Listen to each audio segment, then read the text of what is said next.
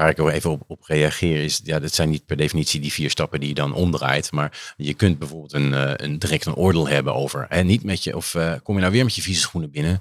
En, en, en dat levert nou niet echt een, uh, een harmonische relatie op met die persoon. Of hè, dan krijg je niet echt het contact misschien wat je wilt. Ik zou als coach voor mezelf na moeten gaan. Oké, wat, is, wat is mijn behoefte die nu niet vervuld wordt? Misschien is het helderheid. Ben ik niet helemaal meer in verbinding met Sergio? Haak ik af? Hmm. Dan kan ik ook zeggen van, goh Sergio, ik merk dat ik even de verbinding kwijt ga. Want je vertelt heel veel en ik kan het eigenlijk meer volgen. Dat vind ik heel magisch. Ja, het is ook heel magisch, ja. Dus op het moment dat je zegt van, hey, eh, ik, ik, gehoor, ik wil graag gehoord worden. Je luistert naar Coachen 3.0, de podcast. Deze podcast is voor jou als je snapt dat coachen een vak is en als jij daar elke dag een beetje beter in wilt worden.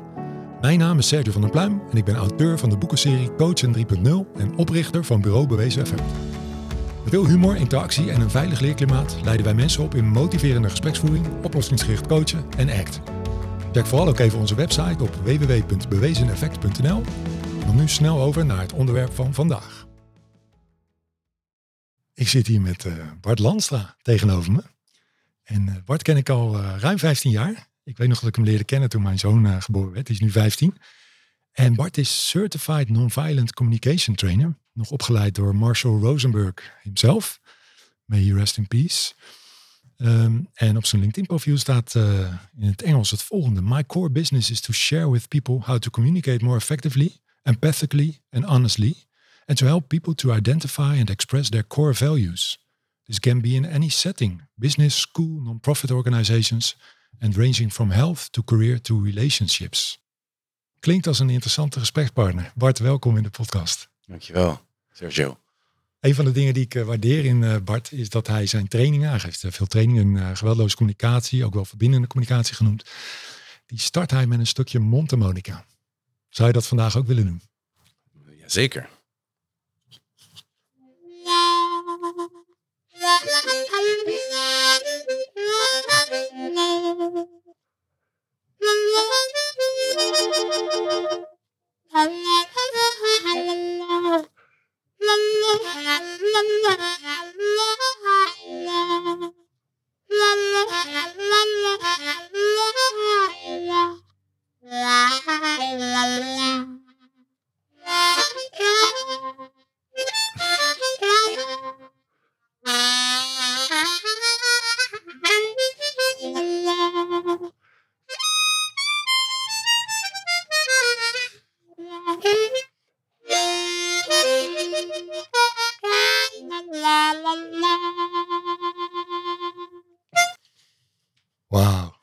begin. Dank je.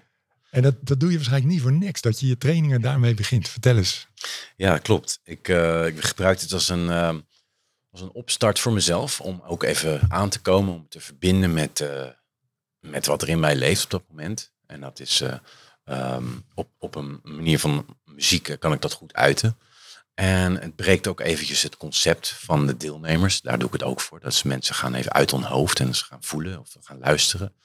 En, en, dat helpt mij dus ook om te gaan voelen en te gaan luisteren. En ik gebruik het als een, uh, als een metafoor voor uh, uh, de training die ik dan aanbied. Dat is een, een, een communicatie, een verbindende communicatietraining waar ik een instrument uitleg, een methodiek uitleg.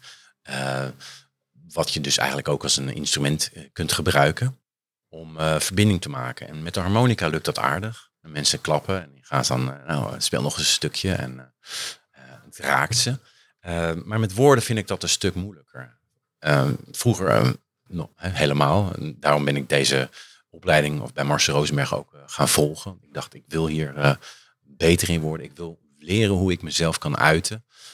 zodat mensen het ook echt kunnen horen. En nou, met een harmonica nogmaals gaat dat oké. maar met woorden heb je dan heb ik een steun aan het, aan het model, aan de methodiek van geweldloze communicatie.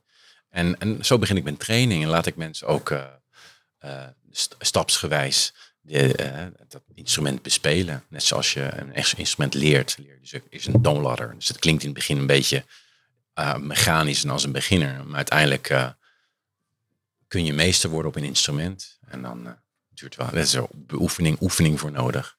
En dat zeg ik dan ook altijd. Het is een methodiek die je niet uh, in, in, in, twee dagen kan leren. Het is iets wat je, wat je kan gaan oefenen en kan gaan leven en beleven. Dat vind ik enorm herkenbaar. Ja. Ik uh, heb me er ook ruim een tijd geleden, eigenlijk toen ik jou leerde kennen, heb ik me er ook in verdiept. En dan, ja, als je het model bekijkt, dan zie je, oh, het zijn eigenlijk maar vier stappen. Ja. ja. en vervolgens kun je eigenlijk de rest van je leven bezig zijn om het ja, te verfijnen en te integreren in je leven. En, uh, kun je de luisteraars meenemen in die, in die vier stappen, zodat uh, mensen die er nog nooit van gehoord hebben, een beetje een beeld hebben van, van ja, wat is het en hoe onderscheidt het zich van meer alledaagse communicatie? Ja, um, het, het, het zijn het, naast het vier stappen zit er een gedachtegoed onder en dat gaat over dat je in eerste instantie verbinding wil met iemand en dat is een hele belangrijke intentie. En als je geen verbinding wil, dan vergeet die stap. Maar als je wil dat iemand iets doet en je gebruikt vier stappen, dan gaat het niet werken. Dus je kunt uh, die vier stappen, dat zijn eigenlijk vier blokken van informatie die je verstrekt aan iemand. Ook voor jezelf helder krijgt van wat gebeurt er nu eigenlijk om me heen, stap één. En waar reageer ik op? Wat zie ik, wat hoor ik? Of wat bedenk ik mij? En alles wat, hè, wat er in mijn geest zich voordoet aan gedachten, aan, aan, aan waarnemingen. Uh, dat kan iets oproepen aan een gevoel, dat is stap twee. Dus hey, wat doet dat dan met me? Die uh, waarneming bijvoorbeeld als iemand uh, binnenkomt en die, ik heb net gestofzuigd bijvoorbeeld en die komt met zijn vieze schoenen binnen. En dan, dus mijn waarneming is, hey, er komt vuil op de vloer en ik heb net gestofzuigd bijvoorbeeld. Dat, is, dat roept dan een gevoel van misschien irritatie op of, boosheid of moedeloosheid wat dan ook. En, um, en de stap drie het derde stuk informatie wat je, waar je bewust van wordt, is waarom irriteert me nu dat nou zo? En de aanleiding is duidelijk, dat zijn die vieze schoenen. Uh, en de, uh, de, oorzaak, de, de, de, onderliggende reden is uh, een onvervulde behoefte of waarde die ik heb, die op dat moment dan niet vervuld wordt. Dat is bijvoorbeeld schoonheid of rekening houden met, met een plek die voor ons allemaal fijn is als die schoon is. Het is een soort van ja, rekening houden met elkaar. Dat is een, een waarde die ik dan dat moment niet vervuld zie. Dus dat roept uh, een gevoel op die van irritatie. En, en de vierde stap is, ja, wat doe ik er nou mee met die informatie? Nu weet ik waar, wat mij triggert en wat het, wat het met me doet en um, waarom het mij triggert. En dan kan ik de vierde stap inzetten om te vragen, goh, uh, heb ik een verzoek voor die persoon? Wil je misschien je schoenen uitdoen? Want ik heb hier net gestof, uh, stof gezogen. En, en nou, dat kan voor een persoon heel helder zijn. Oké, hij wil dus dat, hij, dat ik mijn schoenen uitdoe, omdat hij uh, waarde hecht aan een schone, schoon huis. Heel simpel. Uh, huis, huisvoorbeeld. En zo kun je dat op, op het werk doen of um, in het onderwijs. Dus ja, dat zijn eigenlijk de, vier baasstappen. Waarneming, gevoel, behoefte en verzoek. En dat geldt voor beide personen. Dus mijn uh, behoeften zijn belangrijk, maar ook voor die persoon die binnenkomt. Die heeft misschien ontzettende haast. Die heeft behoefte aan gemak. En die wil even iets pakken in zijn kamer. Dus ja, uh, ik begrijp ook dat het lastig is om dan die schoenen uit te doen. Dus er zit van beide, uh, beide partijen zit een, belangrijke behoefte die vervuld wil worden. En als we dus ons gaan richten op welke behoeftes er vervuld worden, dan is dan praat het wat makkelijker. Plaats van je mag hier niet met, uh, vies, met, niet met je vieze voeten op de vloer of zo. Of uh, doe je schoenen uit. En natuurlijk als de verbinding goed is, dan kan dat prima werken, zo'n opmerking. Maar als er al wat, wat ruis is op de communicatie, dan kan dat net een druppel zijn. Dan moet je toch even gaan zitten om het uit te praten met elkaar. En daar zijn die vier elementen, die vier stappen, heel goed voor om helder te krijgen waar het je nou eigenlijk om gaat. Ja, wat mooi kernachtig uitgelegd. Ik, ik, wil toch even iets doen nog met dat geluid. Want ik merk inderdaad dat je stem steeds wegvalt. Um, ik, ik weet niet zo goed. Ik, ik hoop dat het helpt als je toch wat dichter bij de microfoon. Zou je dat willen testen? Ja, dat je hem ja, toch ja. net een stukje hoger zet? Ik heb de indruk dat ja, als je net iets dichterbij zeg maar een vuistje afstand. En dan klinkt het misschien wel Jan van Veenachtig. Maar Ja. Nee, we gaan eens even kijken. Ja. We stoppen de opname dan nog even. ja, hoor, nee, nee, ik laat hem gewoon doorlopen. Dus Oh. knip mijn uh, Oh, knip je eh, Oké. knip eruit. Ja. knippen straks. Oké. Ja, ja, ja. En ik, eh, ik heb in mijn hoofd eh, waar we even verder gaan. Ehm moet alleen even terughalen. Kernachtig uitgelegd. En zou je dit ook eens willen contrasteren met wat er vaak gebeurt in communicatie? Want je noemt die vier ingrediënten. Nou waren die maar vanzelfsprekend, maar in de praktijk doen mensen vaak vier andere dingen. Nou, ik weet niet of er vier zijn, maar wel meer andere dingen. Wat, Ja. wat, bedoel, wat, wat gaat er dan om? Wat bedoel jij dan met vier andere dingen? Nou ja, in plaats van eh, een heldere verzoek te, te stellen, stellen mensen vaak eisen. Oh ja, ja, ja. Ehm, en Ja. ik meen dat dat ook bij, in plaats van eh, heldere waarnemingen. Ik, ik kan, ik kan, Ja, ja, oké. Ja. ik begrijp wat je bedoelt. En eh, dus ja, en waar ik ook even op, op reageer is, ja, dat zijn niet per definitie die vier stappen die je dan omdraait, maar je kunt bijvoorbeeld een, eh, een direct een oordeel hebben over, en niet met je, of eh, kom je nou weer met je vieze schoenen binnen, en, en, en dat levert nou niet echt een, eh, een harmo- harmonische relatie op met die persoon, of dan krijg je niet echt het contact misschien wat je wilt. Mhm. Dus, dus dat is ehm, eh, niet zo handig. Of als je inderdaad met een eis komt van nu je schoenen uit, dan voelt de ander, oh, er is eigenlijk geen keuze meer. Dus ik moet iets. Ehm, nogmaals, soms is het fijn om eventjes eh, de grenzen aan te geven. Maar als, als dat te vaak in een relatie gebeurt, ja, dan gaat het toch wel ergens wringen. En dan gaat op een gegeven moment knalt het. Dus dan is het goed om het uit te leggen. Ehm, maar mensen kunnen natuurlijk ook reageren door helemaal niets te zeggen. Of, of het in te slikken van nou, ik ruim het wel zelf weer op. Hè? Dus dat, dat is ook een manier om om te gaan met die triggers. Ehm, of te negeren. Of ehm, ja, eh, ik, eh, even- ik kan ze niet zo gek bedenken. Maar ehm, mm, eigenlijk gaat het geweldloze communicatie of verbindende communicatie erover op het moment dat je merkt, hey, di- dit vind ik niet prettig. En dit is niet de eerste keer en ik wil er wat mee. Ehm, mijn, mijn advies is dan, zeg er niet direct iets van, maar wacht even dat, het, dat je even uit ehm, geraasd bent van binnen. En dan zoek een moment op om, om daar even over te spreken. Van goh, wat er net gebeurde. Merk dat ik daar ja, nog eventjes eh, last van heb. Want ik heb net ge- eh, het huis op schoon, schoongemaakt. En volgens mij had jij wat nodig en liep zo naar je kamer. En ik, ja, ik wil graag even zorgen dat het schoon hier blijft. Is het, hoe is het voor jou om je schoenen gewoon bij de voordeur uit te doen? Kan, het, kan dat? Dan heb je de, de lading er wat afgehaald. Dan is de emotie bij jou zelf niet meer zo hoog. Maar je gaat het toch bespreekbaar maken. Dat is eigenlijk wat, wat ik wil zeggen. Dus Prachtig. Ja. Dit- Zoals je het zo zegt, dan klinkt het heel realistisch en haalbaar. hmm, Ik weet dat ik, toen ik het zelf net leerde, dat ik de lat waarschijnlijk iets te hoog legde voor mezelf. En ook wel wat gefrustreerd raakte.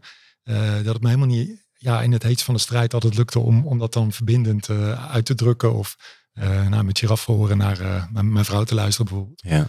En, ehm, maar door jezelf wat tijd te gunnen om de woorden te vinden. En ook te checken bij jezelf. Hey, wat, wat voel ik? Wat, wat speelt er? Wat, wat, is een, Ja. een behoefte of waarde die eigenlijk niet, niet, ja, niet, niet beantwoord wordt op dit moment. Ja.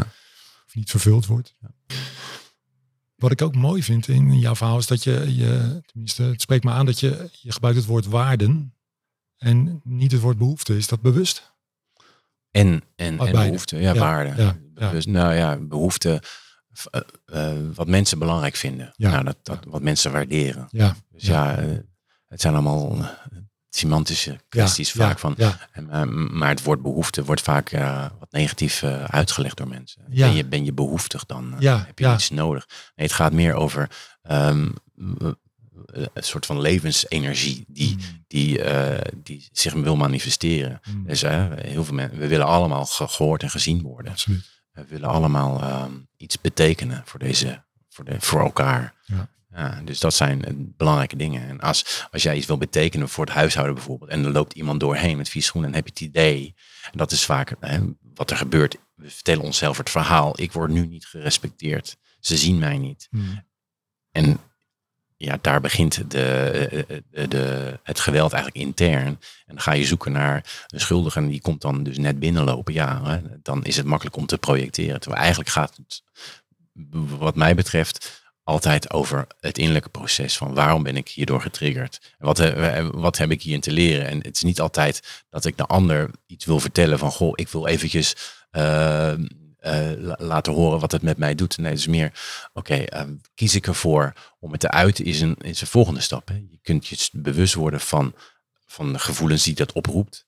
En, ehm, en de volgende stap is, is het behulpzaam om het nu te communiceren. Als jij bijvoorbeeld eh, met je kind eh, op dat moment getriggerd bent, is het niet behulpzaam om het nu te doen, want er zit te veel lading op. Er Ja. zit iets van vanuit in je rugzakje zit er ook nog iets van vroeger. Hè? Er zit altijd iets in ons Mhm.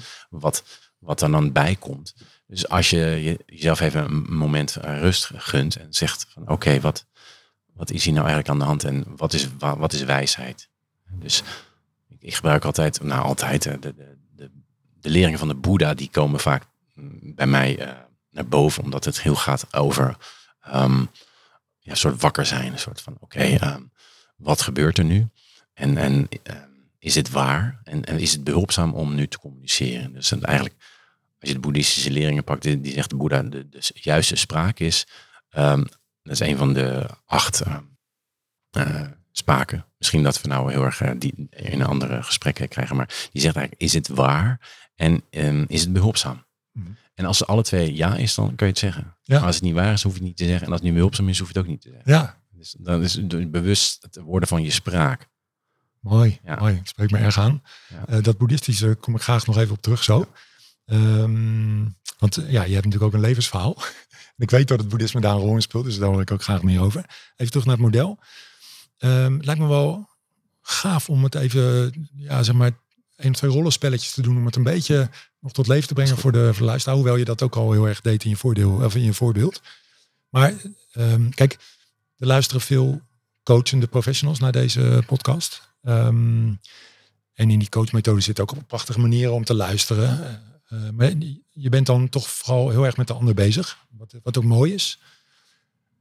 En, en, en belangrijk en, en effectief, denk ik. En toch vind ik het mooie van verbindende communicatie dat je jezelf ook in beeld brengt. Jij telt ook mee. Uh, dat voegt echt iets toe in mijn beleving. En um, vragen die ik vaak krijg van mensen zijn er twee. Um, hoe ga ik om met uh, iemand die heel lang van stof is? Nou, daar kun je als luisteraar natuurlijk een beetje ongeduldig bij gaan voelen. Of uh, ja, ook um, ergens in een soort kramp komen van, van ja, hoe lang laat ik je ander vertellen? En, en ben ik wel een goede coach als ik alleen maar luister? Ja. En een ander is uh, als mensen heel sterk oordelen. Hoe ga je daarmee om? Ja. Het lijkt me wel interessant om, twee, uh, om deze eens uit te, ja, een beetje uit te zoeken met een, een kort rollenspel. Yes, leuk. Tof? Ja. Oké. Okay. Um, ja, dan, dan zal ik wel diegene zijn die lang van stof is. Um, dan ben ik even een coach. Ja? Misschien is dat, uh, dan vraag ik jou, en hoe gaat het? En dan begin jij gelijk met... Dat is goed. Ja? Oh, hoe, hoe het gaat? Nou, ja, nee, het gaat best wel goed op zich. Uh, ik ga morgen op vakantie. En daar oh, heb ik lang naar uitgekeken, joh. Want uh, ik ga voor het eerst met mijn dochter alleen op vakantie. Ze is net 18 geworden. Ja. Zij heeft het eindexamen gedaan. En uh, nou, ze is geslaagd. Dus ja, dan wil je natuurlijk iets bijzonders doen als vader. Dus eerst, eerst zouden we eigenlijk een weekendje naar Londen gaan. Maar op een gegeven moment kwam, kwam een ander idee. Namelijk een weekje improvisatietheater in Maastricht. En ja, het gek is, mijn dochter die is nog nooit in Maastricht geweest. Dus die denkt, Maastricht? Dat is toch een boerengehucht? en ik denk, nou, het hoog tijd om we okay. naar Maastricht gaan. Want dat is juist een hele chique stad. Hey. Ja, ja, ja. Ik, um, ik hoor dat je dat er veel te vertellen valt over de vakantie en dat je er echt zin in hebt. Dat zie ik ook aan je. Ja, ja, klopt.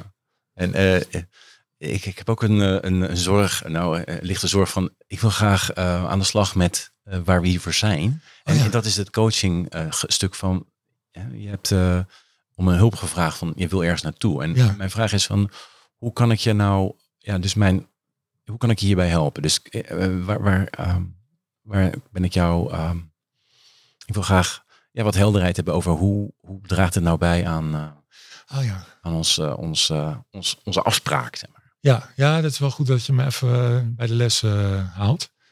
Ja, nee, ik, ja, natuurlijk. Nee, ja. ik kom niet voor mijn dochter. Ik kom eigenlijk voor iets heel anders.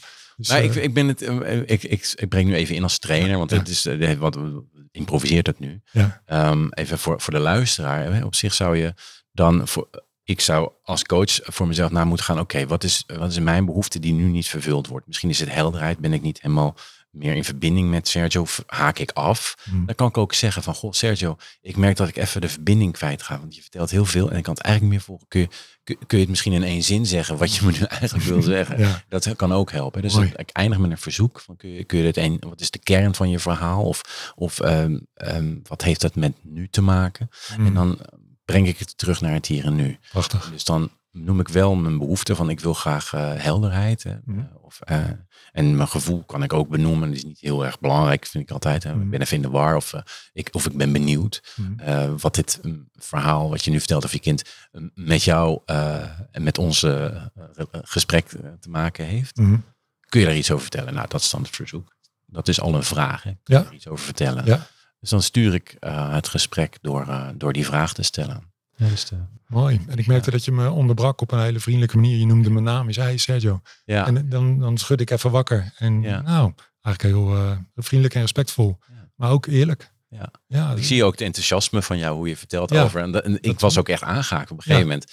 En dacht ik van, oké, hoe lang ga je nog verder? Ga je over Maastricht praten? Ja. En dan, ja, Ja. en dan eh, begon het een beetje, eh ik kreeg een beetje om, een onderbuikgevoel van, Ja. oké, hoe moet ik hier weer? En dat is het moment in, in zo'n gesprek om dan in te, ja, in, in te, eh, in te, te interveneren. Ja. Ja. Ja. Mooi. Mooi eh, voorbeeld. Ehm, en dan eentje met een sterk oordeel. Ja. Even kijken, even iets zoeken. Ehm, ja, ik, wij trainen ook veel docenten. En iets wat heel vaak terugkomt, eh, onder andere in het mbo, studenten die zich niet hebben voorbereid. Dus, daar, dus ik ga even een docent zijn die bij jou, die door jou, even kijken. Ja, laten we er maar van uitgaan dat ik bij jou in een coachgesprek zit of beter wil leren communiceren. Ehm, is het zo? Nou, we kijken wel even. En ik wil graag eh, als coach eh, jou, ehm, wat, was- wat, wat is mijn ehm, behoefte? Waarom wil ik hier iets mee als coach? Wat, wat zou ik ermee? Ja, laten we zeggen dat onze afspraak eh, wel is dat ik minder wil oordelen en meer helder wil communiceren. Oké, Maar dat Jij- ben ik even vergeten. oké, oké. Dus jij als, als, als, als, als docent Ja. wil eh, wat, wat minder oordelen en eh, ga ik toch kijken van hoe kan je dat dan ombuigen naar eh, Ja. wat, wat meer eh, verbindende taal. Exact. Oké, Ja, ja. helder.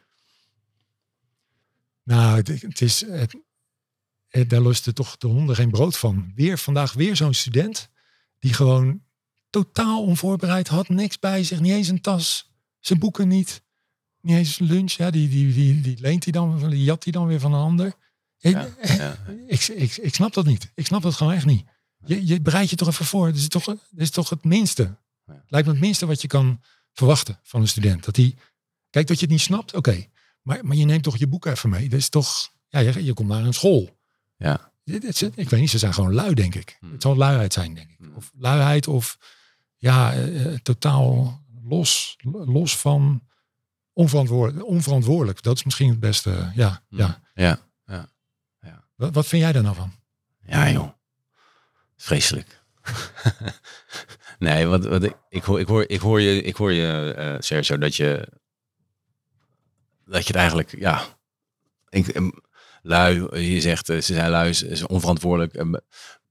Mijn vraag is, bouw jij er dan van dat jij denkt, ja, ik bereid me wel voor en zij komen dan daar Ja. en, en eh, mis je dan een stukje inzet of, of eh, noem je dat, enthousiasme voor, voor wat jij komt brengen? Is dat, Ja, ja, ja, nou ja, kijk, tuurlijk, ik verwacht ook weer niet dat ze super enthousiast binnenkomen. Dat lijkt me niet heel realistisch. Eh, maar inzet, ja, zeker, ja. Ja. ja. Je schrijft je in voor een opleiding, dan verwacht ik ook dat je, Ja. ja. dat je hier wel iets, iets zinnigs komt doen. Ja. En inderdaad, ik bereid me voor, dus ja. Ja, dus het heeft misschien een stukje te maken met, met, met, met, met respect ook voor jou. eh. Ja, nou het zegt. Ja, nou je het zegt, is dat inderdaad wel aan de hand. Ja, want ik, ja, ik, ik, ik, werk s'avonds nog wel eens eh, Ja, doet door. Oké, om ja. me goed voor te bereiden. Ja. Ik, ik, eh, ja, ik, neem mijn vak serieus. Ik wil een goede les eh, neerzetten. Ja. En, en die ander, voor wie die les bedoeld is, die komt zonder enige voorbereiding. Misschien is dat het, ja. Het voelt gewoon niet eerlijk. Ik vind het gewoon niet eerlijk. Ja, ja, dat, is- ja oké. Dus ehm, kijk, wat ik nu doe, eh, is, is eerst empathisch naar jou luisteren. Van kijk, welke behoeften zitten nou achter dat oordeel van, van jou ja. Die je hebt. ehm, en eh, als, als, als docent. Eh, en, en, en dat begrijp ik, want ik heb ook oordelen over mensen. En, en, en dan, dan, maar dat is voor mij een soort van oranje licht van oké, wat zegt dat nou over mijn behoeften? Hmm. Dus elk oordeel is een uiting van een, van onvervulde behoefte. Hmm. En Marcel Rosenberg zegt dan een tragische uiting, want je kan het eigenlijk ook anders zeggen. Hmm. Ehm, en ik hoor je zeggen, oké, luiheid, eh, geen verantwoordelijkheid nemen. En je zou ook kunnen kijken, welke behoeften zitten dan bij die leerling? En dan ga je dat ook eh, op tafel krijgen. Van, eh, als iemand bijvoorbeeld zich niet voorbereidt, heeft hij misschien eh, behoefte aan gemak. Of eh, eh, misschien heeft hij iets heel anders wat hij belangrijk vindt. En moet hij, vindt hij dat hij naar, naar die school moet, naar die opleiding moet? Mhm. Zit het iets met zijn motivatie te Mhm. maken? Hmm. Eh, doet hij het voor iemand anders, niet voor zichzelf? Hmm. Dus het zijn allemaal vraagtekens. Ja. Maar ehm, als je met die bril kijkt en, en, en in plaats van het oordeel eh, wat je dan hebt in die klas, dat neem je mee. Mensen voelen dat, hè? Dat je een oordeel hebt over, over ze. Hè, weer zo'n luie puber. Ja. En, en dat, dat pubers hebben een, sensor. Zeker. En niet alleen pubers, dat, heeft iedereen, denk ik. Op het moment dat je met een soort energie naar iemand toe komt van jij doet iets verkeerd. Ja, ja. En ik ga, eh, ja, en, en, maar op het moment dat je dit, dat niet doet en het eigenlijk eh, daarachter kan kijken van, goh, eh, volgens mij heb jij helemaal geen zin om hier te zijn, klopt dat? En dat ga je gewoon eens peilen. Hmm. En dan, Ja, dus wat, wat zou ik kunnen zeggen inderdaad Ja, tegen de student? nou, dat dus zou dat? je zo. Ja, dus zonder, zonder, zonder direct in, in, in, het oordeel te gaan, ga je eerst nieuwsgierig zijn, benieuwd van wat maakt dat je je niet voorbereid is. Vind Dan word ik even die student. oké? Ja, dan ben je. Ja. Oké, dan ben ik dus Ja. de docent die door, door jou gecoacht is. En dan ga ik nu met een stukje empathisch luisteren en verbindende communicatie eh, de student aan. Oké. Ja, jongens, eh, we, gaan, eh, we gaan beginnen. Eh, Ja, maar ik heb mijn boeken niet bij me hoor. Je boeken niet bij. je? Nee. Oké. Eh, en eh, wat maakt dat jij eh, eh, geen boeken bij je? en heb je dan geen zin om te leren? Ja, ik, ja, ik ben bij iemand blijven slapen en, en eh, toen ja, moest ik langs huis en daar had ik niet over nagedacht van tevoren. Dus eh, ja, eh, ja, het is gewoon niet van gekomen. En eh, dit, is, dit is volgens mij de derde keer dat jij eh, dit boeken niet Ja, ja, en ja, klopt. nee, ja dat, eh, dat, dat is zo, ja. ja. En ik ben benieuwd van, van ehm, vind je het dan niet leuk hier? Denk je, nou ja, ik, ik doe het wel uit mijn hoofd of zo. Want ja, we, het lijkt me moeilijk om te leren zonder boek. Of ga je, hoe los je dat dan op? Ja, dan kijk ik altijd bij, eh, bij Barry. Die zit hier nou. Vind je toch goed, Barry? Ja, Barry vindt het wel goed. Ehm, eh, ik zou dan eventjes dit niet trouwens eh, eh, tegen de docenten zeggen. ehm om plenair doen. Ik zou dat eventjes apart Ja, doen. hè. ja, ja. Dus, eh, Oké, dus we zitten nu één op één. Eén op één. We zitten één op één.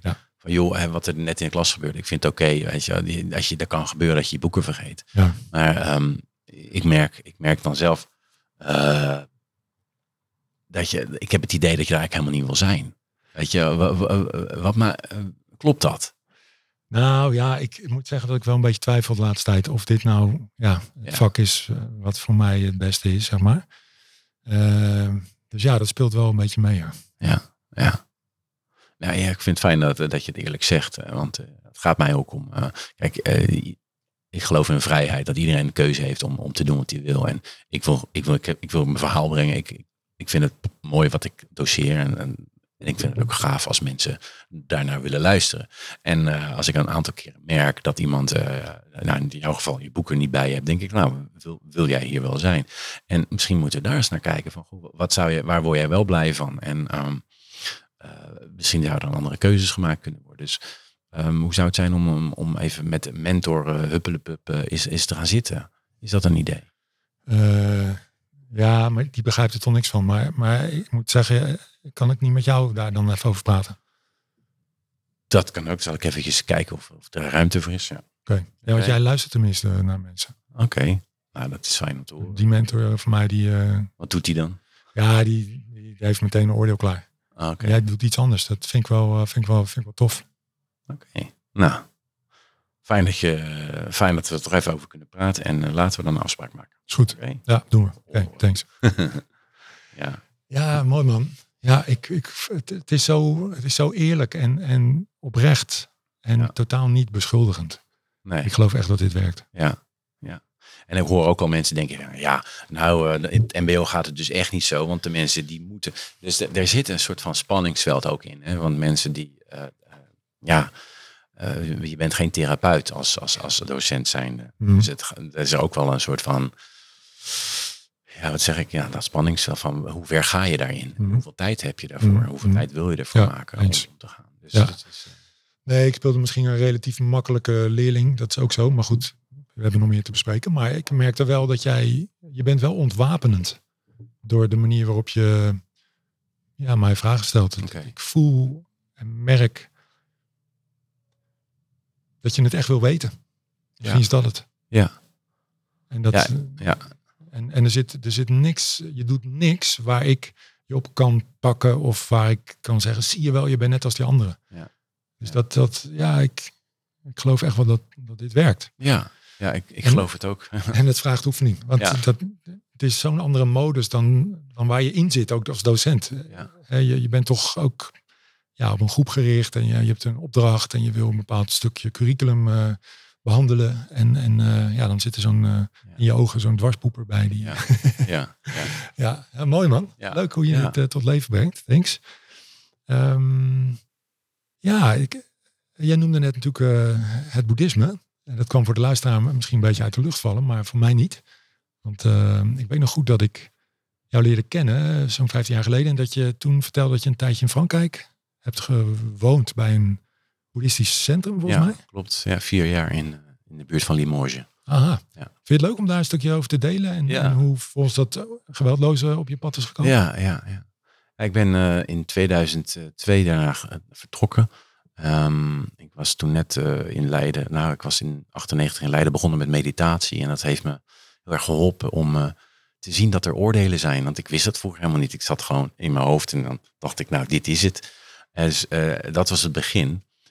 Dus van een regelmatige meditatiepraktijk ben ik naar, naar Frankrijk gegaan. Heb ik zo'n maand lang gemediteerd met een groep van 30. En toen dacht ik van wauw, ik wil, ik wil hier wel wonen. En um, daar ben ik, heb ik alles in dozen gedaan en ben ik daar naartoe gegaan voor uiteindelijk vier jaar. Dat wist ik ook niet. Zou eerst een jaar en toen twee. En um, we wonen daar met een uh, dertigtal mensen en allemaal leken, dus geen monniken wonen daar. En we verzorgden programma's, dus we, er kwamen leraren, boeddhistische leraren uit, uit Tibet of uit Nepal, India kwamen langs om onderricht te geven. En ook westerse leraren in een bepaalde traditie, in de, Shambhala boeddhistische traditie. Is dat niet waar Chogyam Trungpa aan, aan het hoofd heeft gestaan, zeg maar? Ja, onder andere. Ja. Een legendarische boeddhistische leraar. Hè? Klopt, ja. ja.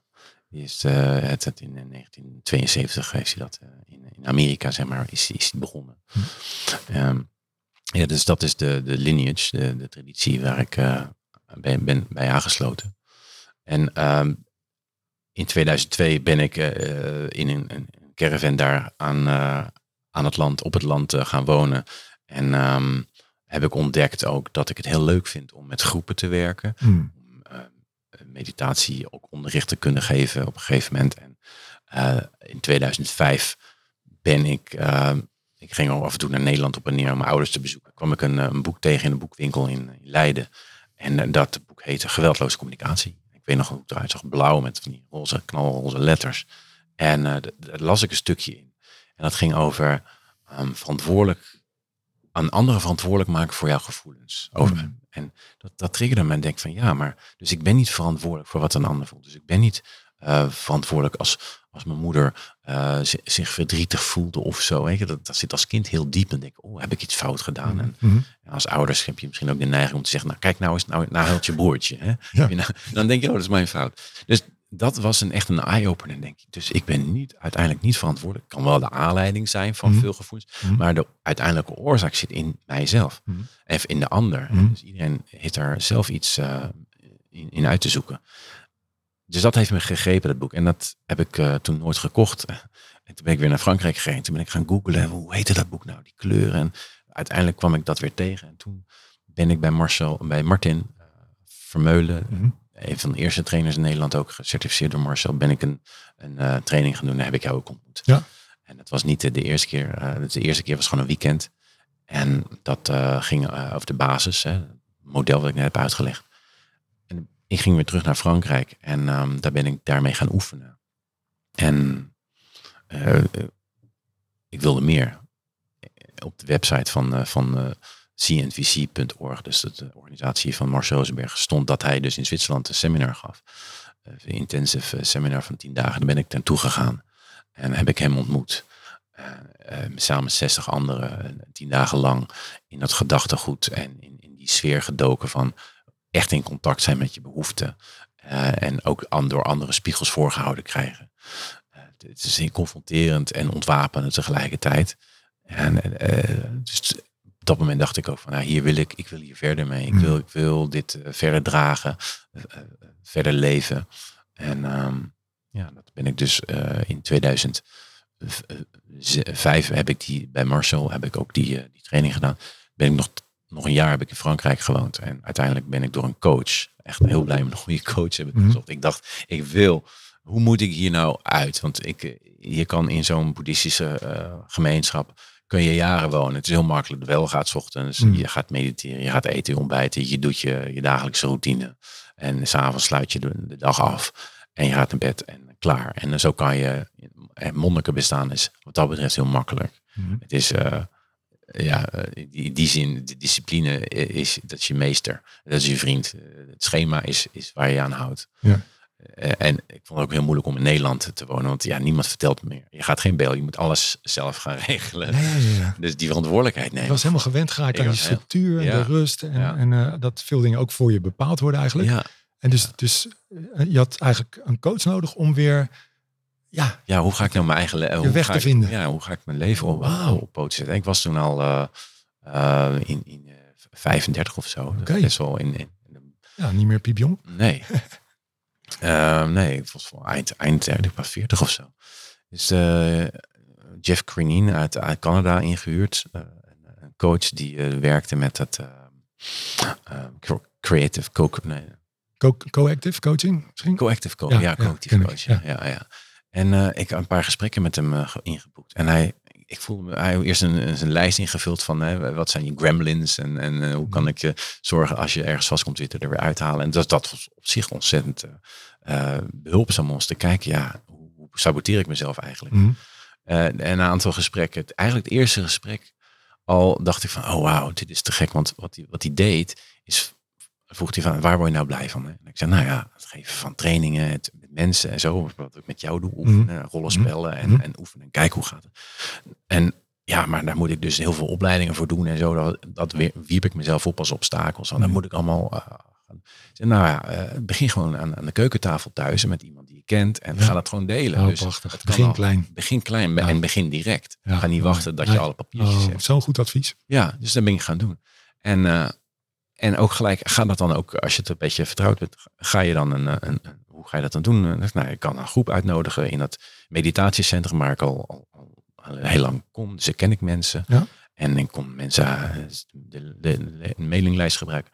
Dus ik, eh, ik heb een eerste eh, avond, introductieavond in verbindende communicatie op ge- georganiseerd. En hij vroeg op dat moment, en toen zat ik nog, ehm, was ik eigenlijk al in Nederland. Toen zei hij, wat de meeste mensen doen, is dan zijn ze blij dat ze die avond georganiseerd hebben. En is het allemaal gelukt. En is iedereen weer weg. En dan zit je. Ja. Dus wat ga je dan doen? Ik zei, nou, gaf hij me een tip. Hij zei, nou, steek dan je, vraag dan aan mensen. Steek even je hand op als je geïnteresseerd bent in de cursus die ik nu ga aanbieden. En die duurt tien eh, lessen. Dus staken elf mensen hun hand op. Dus er waren, ik had 25 mensen uitgenodigd. Elf mensen die, elf mensen die. Dus ik had gelijk een volle groep. En dat was mijn eerste training. En eh, dat, is eigenlijk eh, altijd zo verder gegaan. Ja, prachtig. Ja. Ik zie toch mijn schip dat die knop opeens op rood staat.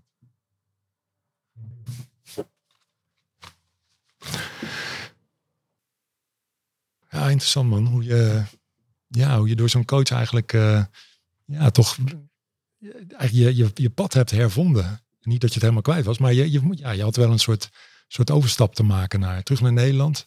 Ja. Naar, eh, ja, vanuit het klooster weer de wereld in eigenlijk. Ja. Hè? Ja. Hey, eh, eh, wat me ook wel opvalt in je verhaal, en wat ik heel interessant vind, is dat je.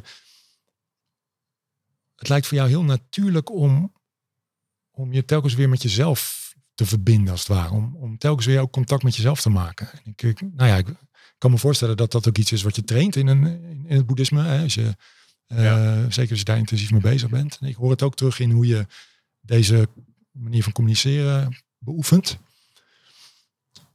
Klopt het dat, dat verbindende communicatie ook je helpt om met jezelf te communiceren? Zeker, zeker. Dat is eh, het belangrijkste eigenlijk. Ja, hè? Ja, want eh, ik krijg eh, regelmatig ver- eh, vragen van, ja, maar mijn man die communiceert zo. eh, en hoe ga ik dan met hem om? Ehm, eh, of, of mijn vrouw die zegt dit. En hoe kan ik nou zorgen dat ze... Ze zijn altijd met een... Hoe kan ik de ander veranderen? Of hoe kan ik die situatie beter maken? En ja, het begint echt altijd bij jezelf. En het eindigt ook altijd bij jezelf. Ja, ja. Dus eh, de, de focus ligt bij mij. En ik, als ik een training aanbied, die duurt drie dagdelen. Dat is eh, online. En Later in coronatijd heb ik dat veel gedaan. Dan begin ik de eerste module met, zelf en, met zelfverbinding. Van Hmm. Wat vertel je tegen jezelf? Ja. Wat gebeurt er in jou? Welke behoeften zijn er wel of niet vervuld? En eh, kun je daar ruimte voor maken? Kan je daar contact mee maken? Ja. En dat is wat, wat verbindende communicatie eh, doet. Hè? Daar de aandacht op richten. Maar en tegelijkertijd zou ik kunnen zeggen, heb je wel een stukje ehm, aandacht training nodig. Mhm. Dat je je kunt trainen, dat je je, kunt je aandacht kunt richten op iets. Mhm. En eh, als je mediteert of doet mindfulness oefeningen Mhm. of wat dan ook, of je, of, of je bent bewust ergens mee bezig, of je, je leert een muziekinstrument, dan, dan merk je dat je afgedwaald bent. En dat merken, dat je geest alle kanten op springt, Mhm. dat is eh, de beoefening. Dat je eh, elke keer gaat zien van, oh, nu ben ik getriggerd, nu ben ik afgedwaald, nu ben ik niet meer in mijn centrum, nu ben ik weg. Ja. En ehm, dus dat is een constante beoefening. En als ik een, een tijd niet beoefen, en- en, eh, dan merk ik ook dat ik eigenlijk ehm, met alle winden meewaai, dat ik mijn, balans kwijt ben ook. Zo. Ja. Ja, prachtig. Eh, ehm, iets wat mij enorm geholpen heeft eigenlijk, is, is om ook in te zien dat ehm, veel dingen waar we naar verlangen, die we willen krijgen van een ander, als het ware, bijvoorbeeld empathie of compassie of eh, een luisterend oor, ja, die kunnen we ook aan onszelf geven. Ja. Dat, hoe, en je zegt meteen, ja, hoe, wat is jouw ervaring daarmee? Kun je daar iets over vertellen? Ja, ehm, als ik iets, als ik dus be- bijvoorbeeld gehoord wil worden, dan ehm, ik doe dat vaak met, eh, ik, heb een, ik ben getrouwd en een, een prachtige vrouw die mij eh, heel veel dingen teruggeeft en spiegelt. En heb ik trouwens in Frankrijk in het boeddhistisch centrum ontmoet. Dus we hebben Oh. wat, min of meer hetzelfde pad. Oh. En dan, eh, de- als ik dus gehoord wil worden, dan kan ik aan haar eh, nogal brammerig zijn. Want ik wil dat je empathie aan mij geeft. Ja. En dan ben ik eigenlijk eh, ook uit verbinding met mezelf gegaan.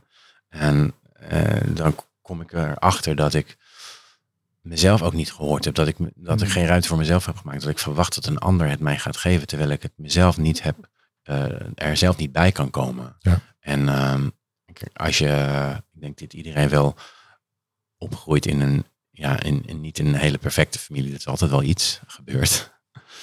Waardoor je misschien het vertrouwen verliest.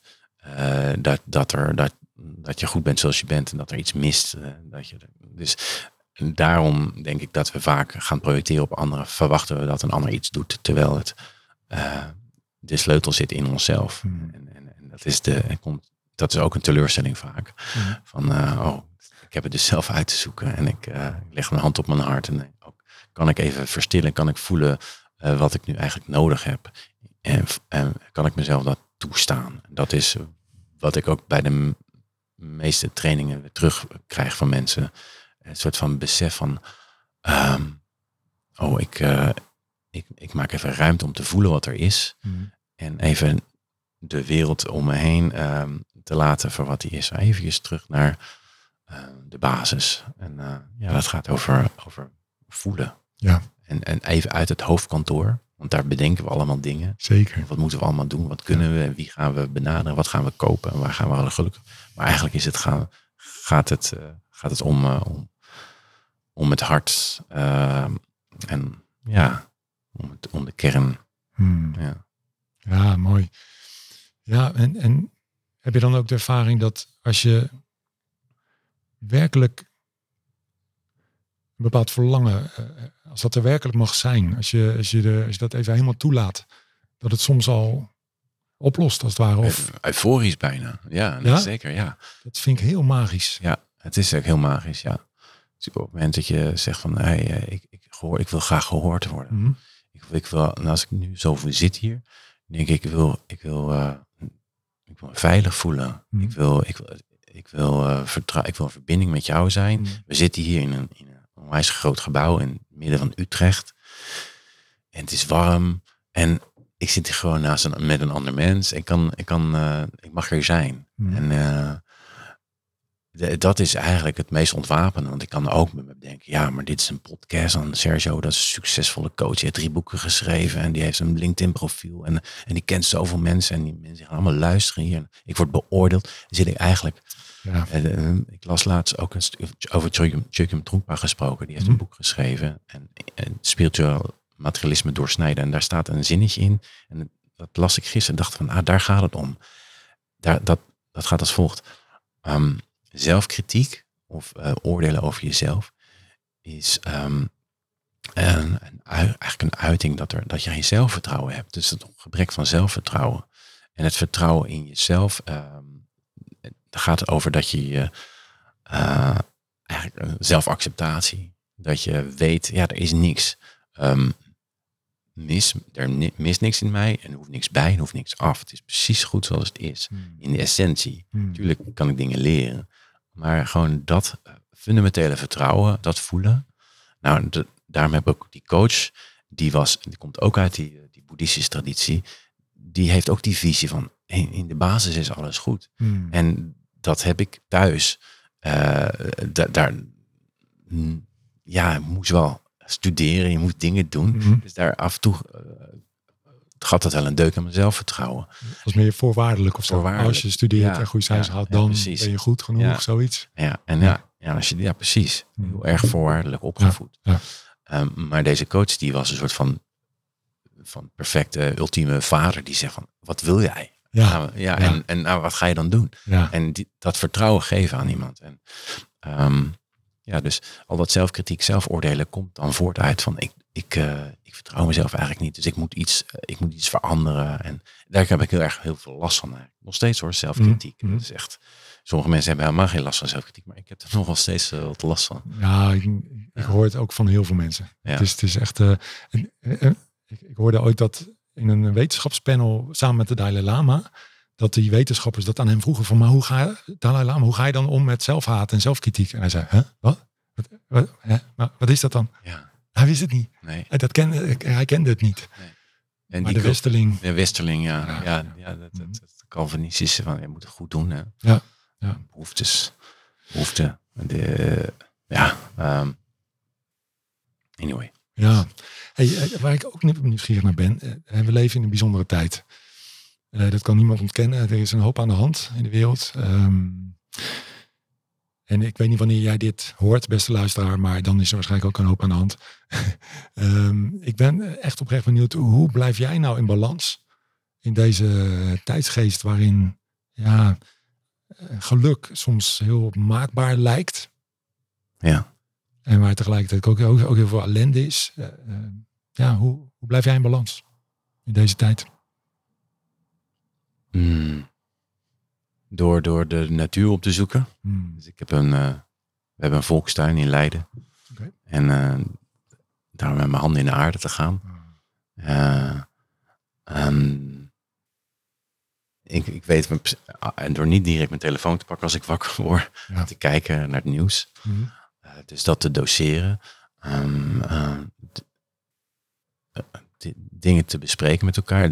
mensen op te bellen. Ehm, op een gegeven moment, ja, ik, ik merk dat ik steeds ehm, minder zin heb om, eh, om te reageren op allerlei digitale berichten. Profielen bij te houden. En eh, dit, op LinkedIn ook. Ik ben ook niet, niet echt een ster op LinkedIn. Maar ik, af en toe denk ik, ja, hoeveel tijd wil ik nou online zijn? En hoeveel wil ik nou informatie, informatie tot me nemen? Dat is, dat is een overload. En daar, daarmee maak ik mezelf eigenlijk gek. Ehm, dus ik hou mezelf in balans door. Nou, de laatste tijd speel ik veel fluit. Ik heb, eh ik heb eh, Indiase eh, fluit speel ik. En ik heb ook zangles eh, online van een Indiase vriend. En daar, daar knap ik echt van op. Dus daar, daar voel ik weer, oh ja, dit is eigenlijk wel waar- waarom, ik, waarom ik hier ben. Waarom, wat, wat het le- leven voor mij eh, voedt. En dus ja, daar kan ik heel veel in kwijt. Zo blijf ik in, in balans. Nou, een mooie dingen noem je. Ja. En ik zie de fluit al liggen. Lijkt me heel tof om zo meteen eh, ermee af te sluiten. Maar ehm, ehm, ik heb eerst nog een paar andere vragen voor je. Ja. Ik eindig eh, tegenwoordig met een paar eh, beetje prikkelende vragen. Hier komt de eerste. Stel, je moest een tatoeage nemen op je, op je onderarm. Oh ja. Met, een, met een tekst. Een tekst die je dus de rest van je leven elke dag gaat zien. Wat komt er op je arm te staan? Ah. Het is een heel kort tekstje. Ah, Ah. en wat betekent dat? Ah, ah, ah betekent het van. eh ehm, ze, ze, ze, ze- ze ziet een kiemsyllabe van, eh, van de spraak. Ah betekent eigenlijk. eh, ah, een soort van ehm, loslaten en Ah, ja. uiting van, van goedheid. Wauw. Ja. Heeft dat ook te maken met die Indiase zang? Is dat ook een Indiase... Ah, ook, ook. ja. Ja. in de boeddhistische hindoes. Huh? ja, om ahum, weet je, het zijn eigenlijk. Ja. A is eh eh, het syllabaal van spraak. Hmm. Ehm, en er zit ook een, is, dat zou ik dan een Tibetaanse eh, Sanskriet, of Oh ja. het, een, een, een symbool op een arm laten tatoeëren. Oké. Ja, dat zou ik dan wel. Dat is ook tekst, maar dat Ja. is niet een, een westerse tekst. Ja. Nou, ik heb een verrassing voor je. De tatoeëerder, eh, die staat al klaar. nou, eh, mag jij maar zelf bepalen. Ja. Ehm, welk advies zou jij hebben voor de Bart van 20? Ehm, maar zoek een goede eh, muziekdocent op. Zoek een goede leraar op. Als je Mhm. twintig bent, dan ben je nog jong. Mhm. En, eh, en eh, ja, ze vragen om hulp. Hmm. En, en, en als je iets wil, muziek maken, ehm instrument leren spelen. Of ik wilde vroeger toneelschool. En dat, Mhm. Mijn moeder zei, ja, maar je hebt nog nooit toneel gespeeld.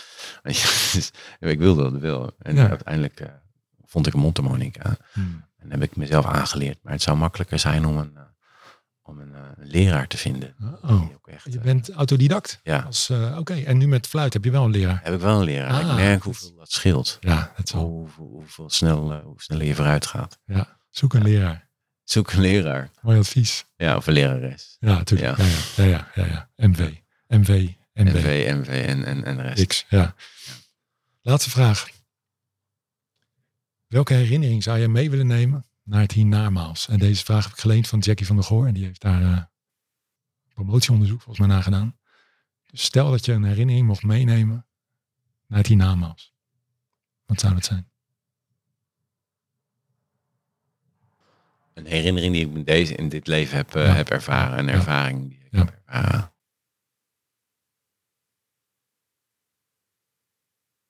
Nou, ik denk dan gelijk aan de, het sterven van mijn vader.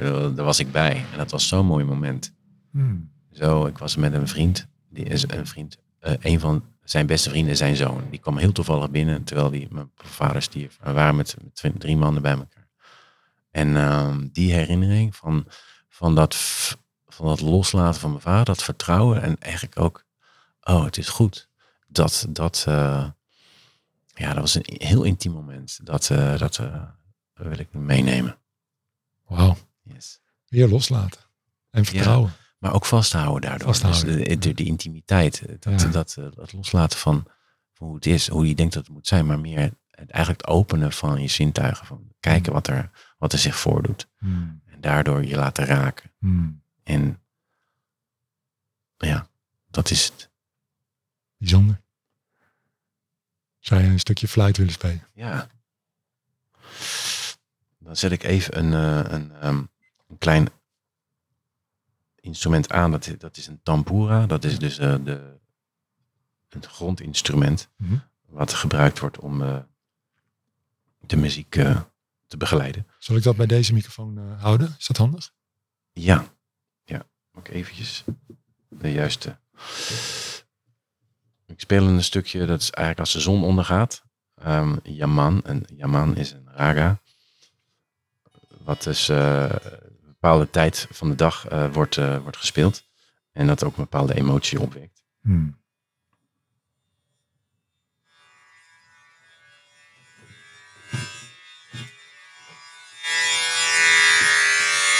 Iets, iets verder eraf.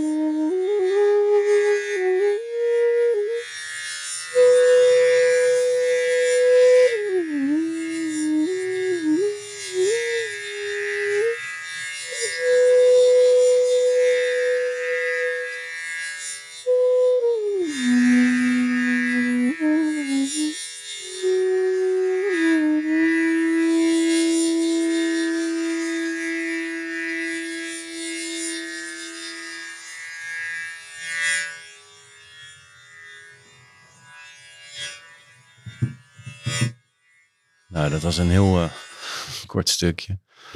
Ja, Ja, ik waande me wel eventjes eh, in India. ja. Echt prachtig. dank je. Ja, heerlijk. Dankjewel. Nou, waar, waar kunnen mensen jou vinden, Bart? Ehm, eh, ja, online bedoel je. Ja, ja, ja, ja, je je adres nee, nee, nee. Eh, geweldlozecommunicatietraining.nl geweldlozecommunicatietraining.nl of bartlandstra.nl Ah, kijk.